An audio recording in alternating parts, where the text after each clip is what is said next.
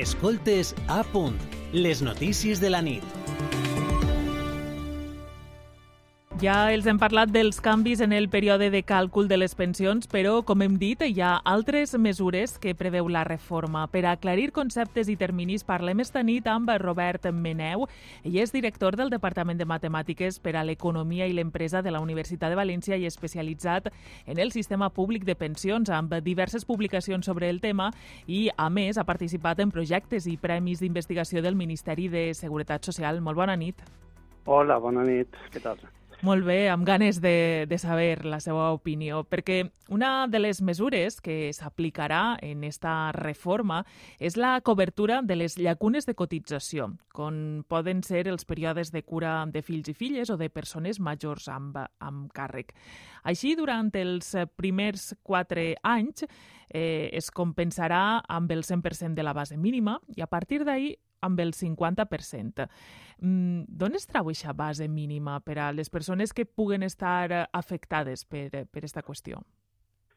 Bueno, aquesta base mínima eh, és la base mínima de cotització a la Seguretat Social. Si, si una persona durant algun període no, no ha cotitzat a la Seguretat Social, eh, això li, li podria penalitzar molt en el càlcul de la pensió i, i per evitar aquesta penalització eh, se suposa eh, que ha cotitzat per la base mínima eh, en aquest període. Uh -huh. I aleshores aquesta penalització ja no és tan gran. D'acord. Per tant, eh, per això es diu eh, sobre aquesta mesura que afectarà principalment les dones, que són normalment les que tenen més llacunes no? de, de cotització per, per aquestes qüestions, o bé per cura de fills o, o també perquè normalment són les que eh, s'encarreguen de, de tenir cura de les persones majors, dels pares, les mares, quan comencen a ser dependents. Sí, és un, del, un dels col·lectius que, que es beneficiarà del canvi que, que ha experimentat amb aquesta reforma el tema de, de les llagunes de, de cotització. Eh, el canvi eh, és que eh, en els quatre anys mm, primers està clar que és el 100% de la base mínima i a, els anteriors, a aquests quatre anys, abans era el 50% i ara en el cas de les dones passarà a ser el 60%. O sigui que ha hagut ahir una, una millora eh, en, en, per a aquest col·lectiu. Uh -huh. D'altra banda, una de les eh, qüestions que podríem dir que estan en el veloç de la reforma i l'objectiu és eh, millorar no? els ingressos de, del sistema de pensions, és eh, en línia amb les mesures per augmentar l'aportació dels sous, per exemple, més alts, que s'estableix aquesta quota de solidaritat per a la part del salari que actualment no cotitza per superar el límit màxim de cotització. Este concepte no genera drets ni despeses a la Seguretat Social i eh, ens pot explicar, per a aquelles persones que no estem familiaritzades amb aquesta qüestió, eh, este concepte de no cotitzar a partir d'una quantitat eh, quan es té un salari alt? Sí, actualment és, és eh, uns 4.400 al mes, eh, és aproximadament, eh, és mm -hmm. la base màxima. I el, el sistema de cotització i de pensió està relacionat i, eh, i efectivament a partir d'aquesta quantitat fins ara no, no es cotitzava, i eh, això tenia la contrapartida a l'hora de calcular la pensió. Eh, perquè la pensió també té un, un tope màxim. Mm -hmm. Hi ha un, un màxim de pensió i, i aleshores les persones, pues, eh, si hagueren cotitzat més, hagueren cobrat més pensió, però com, com la base de cotització està a topar, eh, per dalt, pues la, la pensió també. Aleshores, eh, és, és aquesta la, la qüestió. No, no cotitzar tot el salari, sinó sols fins a aquest màxim, perquè després la pensió també té un màxim.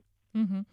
I en esta reforma es contemplen dos pujades més, podríem dir, de les bases màximes de cotització, segons hem pogut saber de l'esborrany. Per una banda, per tal de fer front a la jubilació del baby boom, es duplica la sobrecotització associada al mecanisme d'equitat intergeneracional i eh, això suposarà una major despesa per a les empreses i l'altre augment de la cotització és el de pujar les bases màximes entre 2024 i 2050 afegint a la quantia anual de l'IPC una pujada d'1,2 punts percentuals. Amb este punt, la patronal no està d'acord perquè asseveren que disminuirà els salaris de tots els treballadors i treballadores i incrementarà els costos laborals, posant en perill la creació d'ocupació. Els treballadors i treballadores eh, considera que els compensa o podríem dir estaran disposats també a pagar aquests augments? Eh, no, no compensa perquè després de la pensió no, no veurà reflectit aquesta major cotització. Eh, les dues coses de, que ha comentat eh, són distintes perquè una afecta a tots els treballadors uh -huh. i aquest mecanisme d'equitat intergeneracional eh, eh, era del 0,6 i ara se planteja doblar-lo a l'1,2. D'això, si, si es manté com fins ara, pues, serien 0,2 el treballador i 1 l'empresa. Eh, això ja s'està fent. Eh, s'està fent des de gener. Eh, qualsevol treballador haurà pogut veure en la seva nòmina que li han descomptat eh, un poc més eh, en el seu salari net. I, i l'empresa també ho està pagant. Això afecta a tots, des del salari mínim fins a la base màxima. Uh -huh. La segona part sí que és cert que afecta únicament a, als salaris eh, que sobrepassen la, la base màxima, salaris més alts. S'està plantejant una, eh, un augment de la base màxima de cotització i també aquest recàrrec de solidaritat. Això afectarà als, als treballadors de, que cobren més i, per tant, també a les empreses que, que tinguen treballadors d'aquest estil en, en la seva empresa. Perquè no oblidem que, que quan s'augmenta la, la cotització, de cada euro que paga el treballador, l'empresa en paga 4 aproximadament. Aleshores, tant l'empresa eh, com el treballador mm, tindran una major càrrega amb, amb esta reforma. Tot i que, com ha dit abans, en principi això no es veurà reflectit eh, en el que són les pensions finals? Mm, no, o molt poc, perquè també s'ha plantejat que d'ací uns anys la pensió màxima sí que pugui pujar per dalt de l'IPC, però mm. molt poc. Eh, si, si se planteja que la base màxima augmente un 30 punts per dalt de l'IPC, eh, la pensió màxima, en canvi, augmenta molt menys. No sé si són 3 punts aproximadament. Per tant, ho poden reflectir, però molt, en, en molt poca mesura. Uh -huh.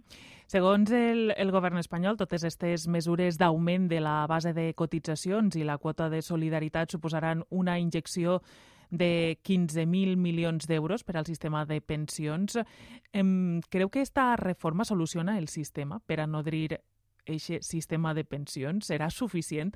Hi haurà pensions més justes per als jubilats i, i jubilades?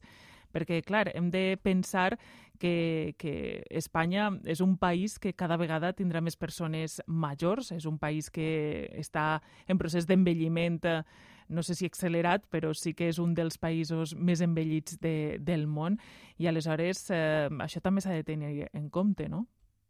Sí, sí, efectivament. El, les projeccions demogràfiques no són eh, molt bones per, a, per al cas espanyol i s'ha optat per, eh, per augmentar els ingressos i no per disminuir eh, la part de la despesa. I, i la part d'ingressos, és la veritat és que és difícil d'estimar de, què passarà perquè és molt incert. És molt incert com reaccionaran empreses i treballadors davant d'aquests augments. Pot ser que, per exemple, pot ser que les empreses eh, a aquest tipus de treballadors li, li, ba, li baixen les hores de treball en compte de, de pujar el, el sou per no tindre aquesta càrrega no, de cotització. Tal vegada no, no siga tant l'augment d'ingressos com el que se, com el que s'està dient. Eh? És el que jo eh, crec que pot passar. No estic eh, massa convençut de que, de que augmenten els ingressos tant com s'està dient. Aleshores, el, el problema de la sostenibilitat seguirà ahí. El que passa que sempre se pot recurrir, com s'està fent ja, a, als impostos, no? l'impost general, i fer transferències de l'Estat per a pagar les pensions, que, que és una que ja, ja, està, ja s'està fent. Uh -huh. I considera que amb aquesta proposta es podrà mantindre durant molt de temps sense revisar el sistema de pensions?